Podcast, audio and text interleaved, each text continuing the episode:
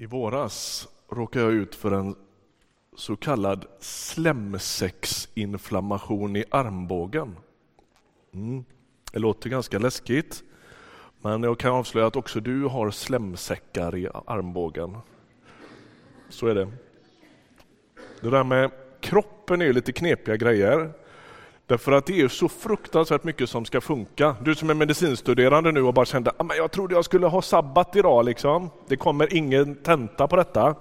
Ehm, men det är grymt mycket som ska funka. Om man får den här så kallade bursiten som det här tydligen heter, så påverkas inte bara armbågen kan jag avslöja, utan då påverkas hela kroppen. Man blir ganska tagen av det. Det gör väldigt ont. På en, ett par timmar så svullnade armbågen upp så här. Så. Ringer till vårdcentralen och tänker en liten armbåge är väl inget, men de ville jag skulle komma ganska direkt och noga. Liksom. Och de höll på att greja och vira och det var spritlösningar och det var allt möjligt sånt där. När man får ont någonstans i kroppen så påverkas hela kroppen. Eller hur? Det sitter ju liksom ihop. Och när Paulus ska hjälpa de kristna i Korint att se hur beroende de är av varann och hur de liksom spelar och samspelar tillsammans, då använder han bilden av kroppen. När han ska försöka liksom berätta för dem att alla har ett viktigt bidrag att ge, då driver han hem den där bilden så långt han kan med olika kroppsdelar, med olika funktioner och så. Eh, och jag tänker så här, det har genom århundraden och årtusenden aldrig uppfunnits någon bättre bild av den kristna församlingen än bilden av kroppen. Den är fantastiskt bra. Ju mer jag tänker på den, desto smartare är den. Den är oöverträffad och därför har vi helt enkelt kallat en serie nu som löper i oktober och november som handlar om Andens gåvor. Vi har kallat den för kroppen. Så är ni med på vad det här kommer att handla om. Och Man kan fundera över varför Paulus använder den bilden. Var får han den ifrån? Jag tänker att den bottnar tillbaka till Paulus första möte med Jesus. Paulus han kallas tidigare i livet för Saul och så är han på krigsstigen mot den kristna kyrkan. Det står att han andas mordlust. Ni som har varit med ett tag här i Ryttis, ni vet att vi förra året hade en predikoserie där vi sa att Paulus i många stycken påminde om en jihadist. En religiöst motiverad, våldsam förföljare av den kristna kyrkan. Det är vad han var. Och så jagar han de kristna, det står att han släpar dem ut ur sina hem och han är med om avrättningar och han liksom i den första, allra, allra första martyrkyrkan, där är inte Paulus offer utan förövare. Så är det. Och så är han på väg till Damaskus. Det här är ju högaktuell geografi för oss, det är på nyheterna varje dag. Han är på väg till Damaskus och så gör han en sorts märklig upplevelse. Han ramlar av sin häst, han får se ett starkt ljussken och så hör han en röst och den här rösten säger Saul, Saul, varför förföljer du mig? Vem är du? frågar han då. Och då får han höra, jag är Jesus, den som du förföljer. Är inte det konstigt, på, konstigt påstående ändå? Det är ju inte Jesus han har förföljt utan det är ju de kristna han har förföljt. Men det är som om Jesus så intimt förknippar eller, eller eh, identifierar sig med den kristna kyrkan som säger förföljer du kyrkan, då förföljer du mig. Så, va? Alltså, jag tänker att här får Paulus bildspråket till Kristi kropp, nämligen den kristna kyrkan är Jesu händer och fötter på jorden. Inte bara i någon sorts vackert bildspråk utan på ett djupare plan. När man förföljer den kristna kyrkan då förföljer man Jesus själv. Vi kommer i den här gudstjänstserien stanna lite särskilt vid texter som finns i första Korintierbrevet. Låt mig därför få ge en kort bakgrundsskiss, mycket, mycket kort. Korint var en världsstad i romarriket. Den finns fortfarande, ligger i nuvarande Grekland. Här grundar Paulus, då, som han ju sen kommer att heta, han kallas för Saul. Han möter Jesus i den där upplevelsen på Damaskusvägen och blir en kristen och han blir så småningom missionär, apostel eh, som grundar församlingar i Medelhavsregionen. År 51 ungefär grundar han församlingen i Korint. Han stannar och undervisar dem i ungefär ett och ett halvt år. Sen åker han därifrån. Sen går det ytterligare ett par, tre år och så kommer första Korintierbrevet. Alltså församlingen är ungefär fyra år gammal när det här händer. Det är, och, och, och de består, tror man, bibelforskare och arkeologer och så, av två större husförsamlingar och är totalt sett kanske någonstans mellan 60 och 120 personer totalt vid den här tiden. Så. Man vet inte tydligare närmare än så. Det är väldigt mycket som inte är på plats i församlingen i Korint, för att uttrycka sig milt. De har problem med rätt mycket. Och jag tänker att det är ganska trösterikt för oss. Jag tycker vi ska slå hål på myten om den perfekta nytestamentliga församlingen. Det var jättemycket att bita i och för dig som tänker vad långt ifrån idealet vi är så skulle jag hävda, de hade sina kriser, vi har våra kriser. Det är som att så är det där människor möts. Sen ger vi inte upp för det, men det är trösterikt. Eller hur? En bibel te teolog, ny, nytestamentlig eh, forskare som heter Mikael Telbe, som en del av er känner. Han, han använder tre stycken S-ord för att förklara vad som är problemen i, i Korint. Det första är att de är sekulariserade. De kompromissar med den gränslöshet som finns i det omgivande. Korint var en på många sätt gränslös och ganska dekadent stad med stort fokus på ohämmat och gränslöst sex. Och Korintförsamlingen är ganska präglad av det. Också av andra saker som finns i det omgivande samhället. Det andra är att de är segregerade. De delar upp sig i grupperingar, de drar tydliga gränser till exempel mellan fattig och rik. Det är vad som finns i den här klassiska nattvardstexten som vi alltid läser. Jag har själv tagit emot från Herren. Där finns det en, som är kapitel 11, där finns det en, liksom, bakgrundsproblemet där, det är att de rika äter sig mätta och de fattiga svälter i församlingen. Det tredje, som man säger då, det, man måste hitta något ord som alla börjar på samma bokstav, det är liksom det som är grejen då. Va? Och då är de spiritualiserade. Eh, alltså, de hänger sig åt någon sorts överdriven och lite felaktigt definierad andlighet. Och vi släpper de två första och så ska vi fundera idag då och hela den här serien över hur funkar det där med andens gåvor egentligen? Och den viktigaste undervisningen om det, den hittar vi just i det här brevet. Vi kommer under vintern och våren att jobba med övriga kapitel i första Korinthierbrevet i en bibelstudieserie på kvällar. Så vi kommer att bita lite extra i det här brevet och med början i november kommer vi att ha var fjortonde dag under här fram och efter jul så fortsätter vi för att jobba med första Korinthierbrevet i sin helhet. Men under den här serien tänker vi att vi dyker lite särskilt just i frågan om gåvorna. Då. Eh, Paulus inleder, det finns två kapitel i första Korinthierbrevet som är väldigt centrala i den här frågan. Det är första Korinthierbrevet 12 och första Korinthierbrevet 14. Däremellan finns kapitel 13 som ni vet är kärlekens lov. Den fantastiska texten om kärleken som är tålmodig och mild och inte skrytsam och så. Eh, och han inleder dagens avsnitt här då med att räkna upp en rad gåvor, massa bidrag i församlingen. Det handlar om vishet, kunskap, tro, gåvan att bota sjuka, kraft och under, profetiskt tal och så vidare. Och sen kommer vi in, första Korinthierbrevet 12, vers 12. Ty liksom kroppen är en och har många delar och alla de många kroppsdelarna bildar en enda kropp, så är det också med Kristus. Med en och samma ande har vi alla döpts att höra till en och samma kropp, vare sig vi är judar eller greker, slavar eller fria. Och alla har vi fått en och samma ande att dricka. Kroppen består inte av en enda del, utan av många. Om foten säger jag har ingen hand, jag hör inte till kroppen, så hör den lika fullt till kroppen. Och om örat säger ja, men jag har inget öra, jag hör inte till kroppen, så hör det lika fullt till kroppen. Om hela kroppen var öga, vad blev det då av hörseln? Om allt var hörsel, vad blev det då av luktsinnet?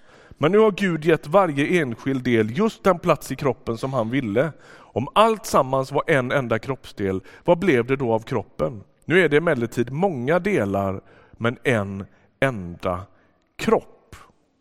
Vi stannar där. Och Det är som om Paulus alltså lever med följande perspektiv. Var med på denna nu. Jesus vandrar på jorden.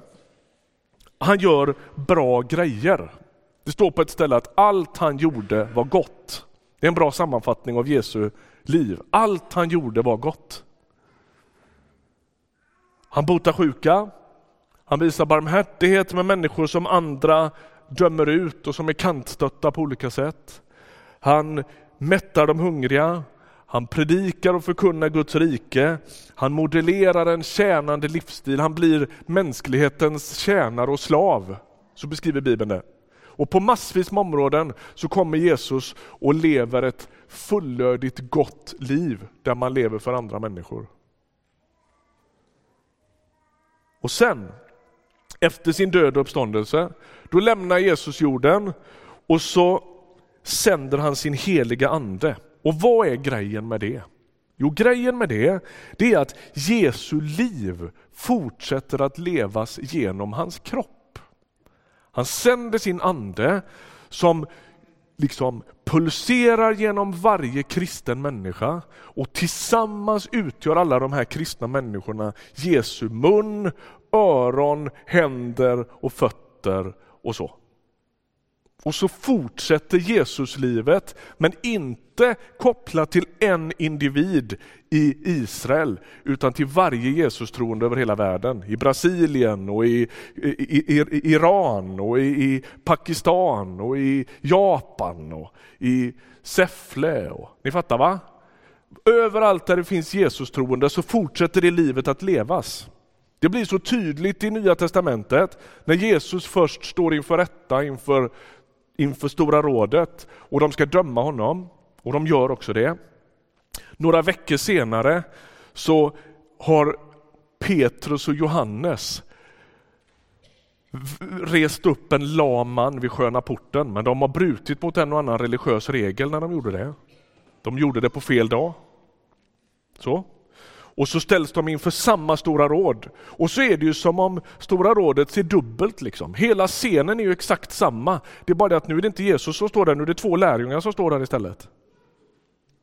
Vad är grejen med det? Jo, det är som att Jesu liv multipliceras ut i alla Jesus-troende människor. Så där vi lever i gemenskap med varann så fortsätter Jesuslivet att pulsera.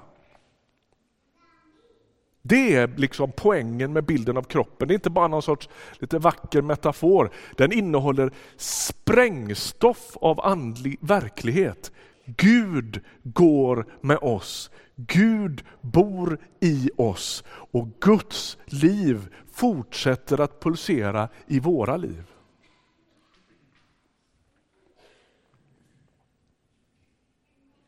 Det är en god nyhet om någon undrar. Anden gör oss till en kropp och andens liv pulserar genom den kroppen. Hur skulle det här kunna se ut? Hur, tar det sig uttryck? Ja, men, låt oss bara backa en söndag. En del av er var med förra söndagen när det skedde en litet intervjusamtal här, här framme.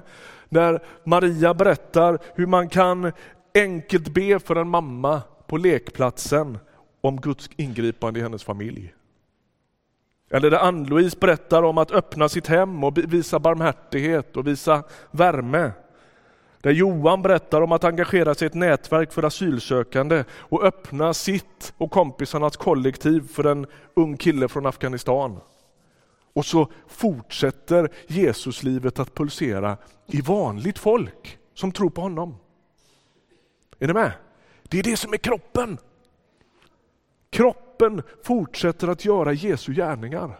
Därför att den sitter, den är tätt förbunden. I texterna här så beskrivs det att Jesus är huvudet och vi är kroppsdelarna. Och allt hämtar sina impulser ifrån huvudet. I lydnad mot honom, i efterföljelse till honom så fortsätter vi att göra Jesu gärningar. Och så finns det massor med variationer på det här. Va? Enkelt utan maner, att, att få lägga händerna på en kollegas axel och be för det där cancerbeskedet mitt i fikarummet. Jag ber för dig, kort nu, om att Gud ska gå med dig. För grannen som har en krisande son i skolan och som inte mår bra. Eller att våga tro att den där lilla maningen och viskningen i ditt inre är från Herren. Att säga något uppmuntrande, att göra en Jesushandling. När kroppen börjar röra på sig så är det Jesus själv som rör sig i världen. Det där blir ju extra tydligt när vi pratar om de här hjältarna i den kristna kyrkans historia. Va? Alla fattar att när Moder Teresa och hennes systrar tjänar de allra, allra mest utsatta i Calcuttas slum, då är kroppen där. Men jag hoppas att du också kan se att när du går till jobbet när du träffar dina kristna vänner på en cellgruppskväll och ni ber för era grannar och för era barn och för, ni vet va, för världen, då är kroppen igång, i rörelse. Igår när ett antal team härifrån kyrkan på kursdagen igår var ute och samtalade med människor om Jesus och fick be med människor, så är kroppen i rörelse. Eller hur? När vi lägger händerna på någon här framme som åker till Sydamerika eller Mellanöstern eller Asien eller vad det nu kan vara och skickar iväg i andens kraft ut och tjäna världen så är kroppen i rörelse. Så är det som att det sträcks ut en hand långt ut i världen. Liksom. Är du med? Kroppen, det är Jesu gärningar. Det är församlingen som utför Jesu gärningar på jorden. Vad är det där med nådegåvor? Hur ska man förstå det? Andens gåvor stod det i den här, i, den här rubriken innan. Och i, den här, I de här texterna så talas det om nådegåvor. Vad är det för något? Jo, det är just precis vad det låter som. Lyssna på det ordet. Gud ger gåvor av nåd. Det har inget med prestation att göra. Man blir inte använd som tack för lång och trogen, långt och troget gudstjänstdeltagande och tjänande i, du vet vad. Utan Gud använder människor utifrån sin nåd. Och om, jag, om, om det finns någon, något litet avsnitt i den här predikan där jag, där jag frimodigt kan säga att jag tror jag har en hälsning till någon här inne, då kommer den nu. Är det något jag har funderat på inför den här söndagen så är det följande. Jag tror att du sitter här i kyrkan och tänker, jag har av olika skäl straffat ut mig. Jag är inte tillräckligt tränad. Jag är inte tillräckligt utbildad. Jag är inte tillräckligt ung, jag är inte tillräckligt gammal, jag är inte tillräckligt smart. Jag har för rörig livssituation. Jag har kraschat i mitt liv på något sätt och det blir inget mer nu. Jag kan inte stå i, till förfogande för jag har straffat ut mig. Jag, har en, jag tror att jag har en hälsning direkt från Herren till dig. Gör det ändå. Gör det ändå. Därför att Gud använder oss i sin nåd. Du anar inte Vilka närkamper jag har gått i den frågan. Tänker jag, jag, jag backar. Det är för rörigt. Det är för o...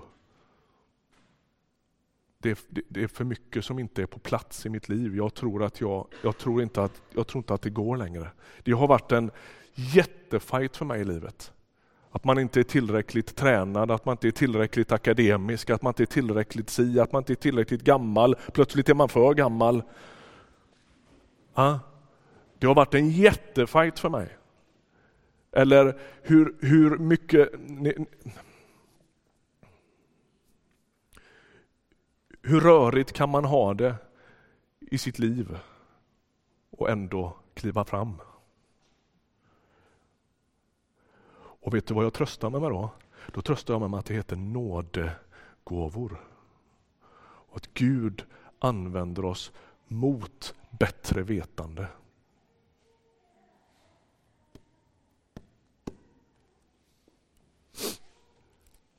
Tänk dig Petrus. Jag är avsteg från mitt manus här men det, tolken får ha överseende. Tänk dig Petrus. Han har lyssnat på Jesus som säger den som skäms för mig inför människorna. Och så är det precis det han gör.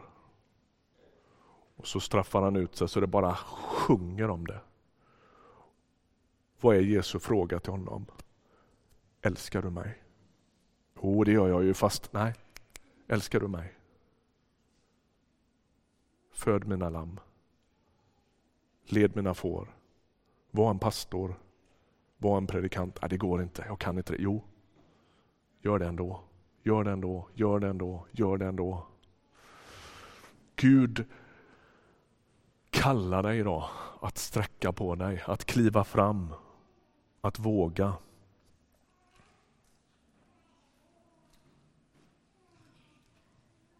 Gud verkar i den här text, eller Paulus verkar i den här texten behöva hjälpa också korintier med den berömda jantelagen. Vem tror du att du är? Jag har inget att bidra med.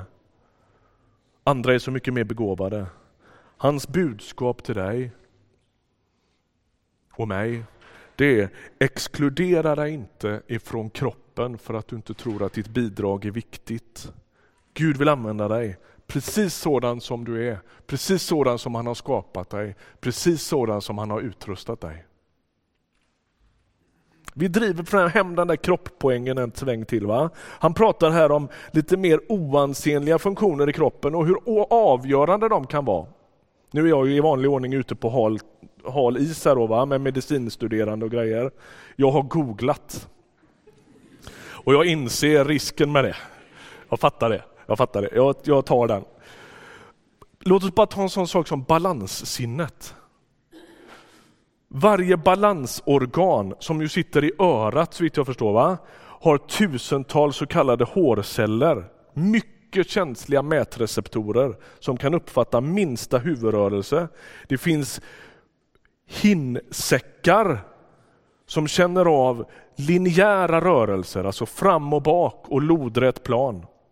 Där du till exempel åker hiss registreras huvudets position i relation till tyngdkraften. Emanuel ser fortfarande glad ut. Jag, jag, rätt ute. jag läser till. Ja. Han kommer upp senare här och rättar till allt. Eh, och sen finns det något som kallas för båggångar. Det här kommer inte på provet sen, men ni kan ändå, lyssna nu då. De känner av huvudets rotationsrörelser i sex olika plan. Till exempel när man åker karusell så registreras de här rörelserna i båggångssystemet. Be en särskild bön för tolken nu.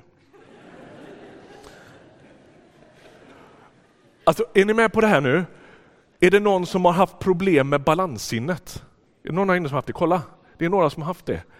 Det här är ju små hårceller som man knappt vet finns. Vad händer med kroppen när den grejen inte funkar? Då slutar allt funka.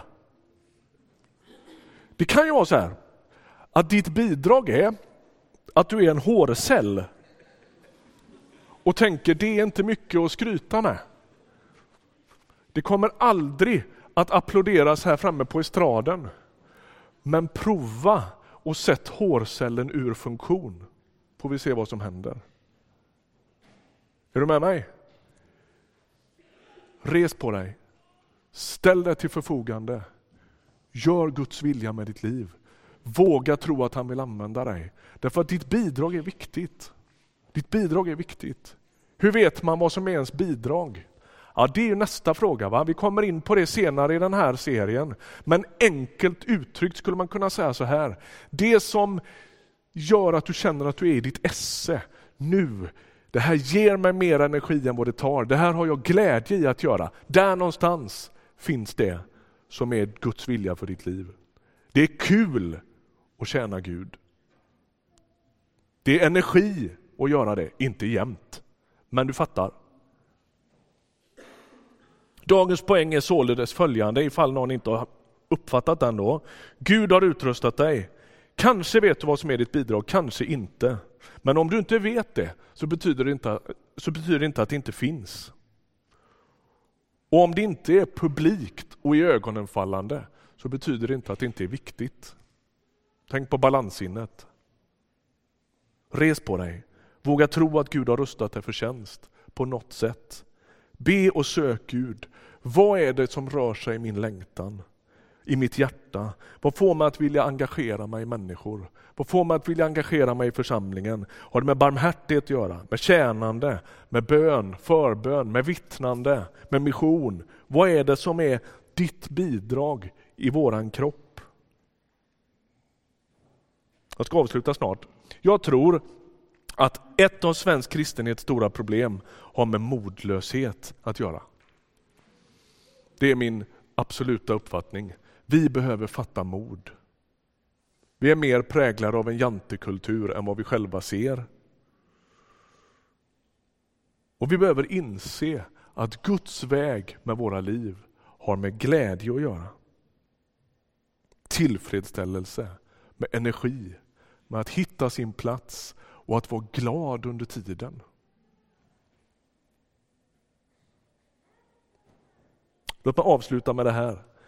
Paulus har en nära medarbetare som heter Timoteus. Han är med om just precis det här.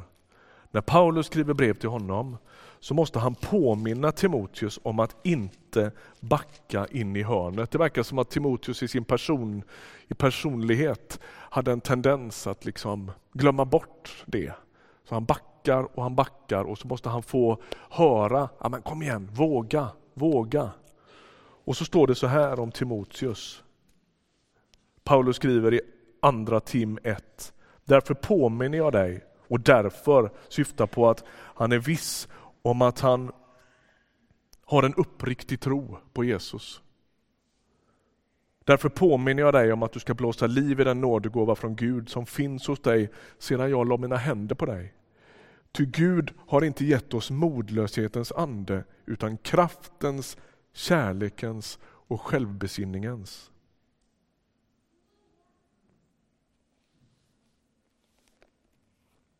Gud vill hjälpa oss med vår modlöshet. Han vill locka oss att kliva fram. Och det finns ingen kristen människa som inte har en uppgift. Man kanske inte har upptäckt den än, men Gud har anförtrott dig med att vara en del i kroppen och utan dig saknas något. Så res på dig, stig fram. Gud vill använda dig. Våga tro och våga be att det kan hända. Ska vi be tillsammans?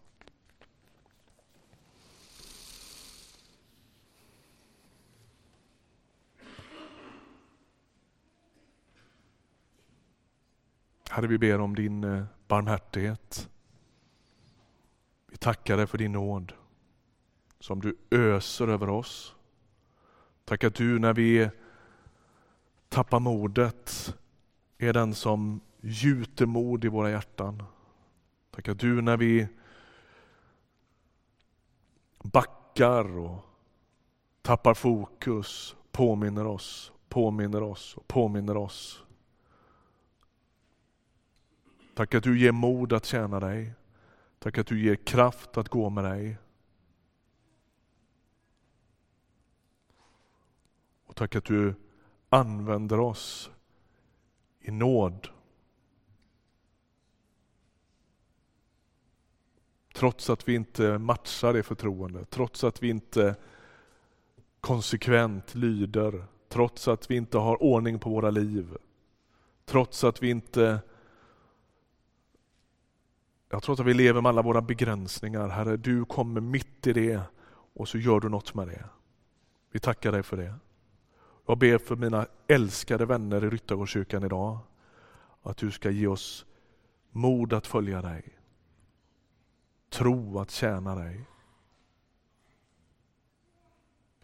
Jag ber för den som är så djupt stukad av sina personliga begränsningar eller misslyckanden eller kriser.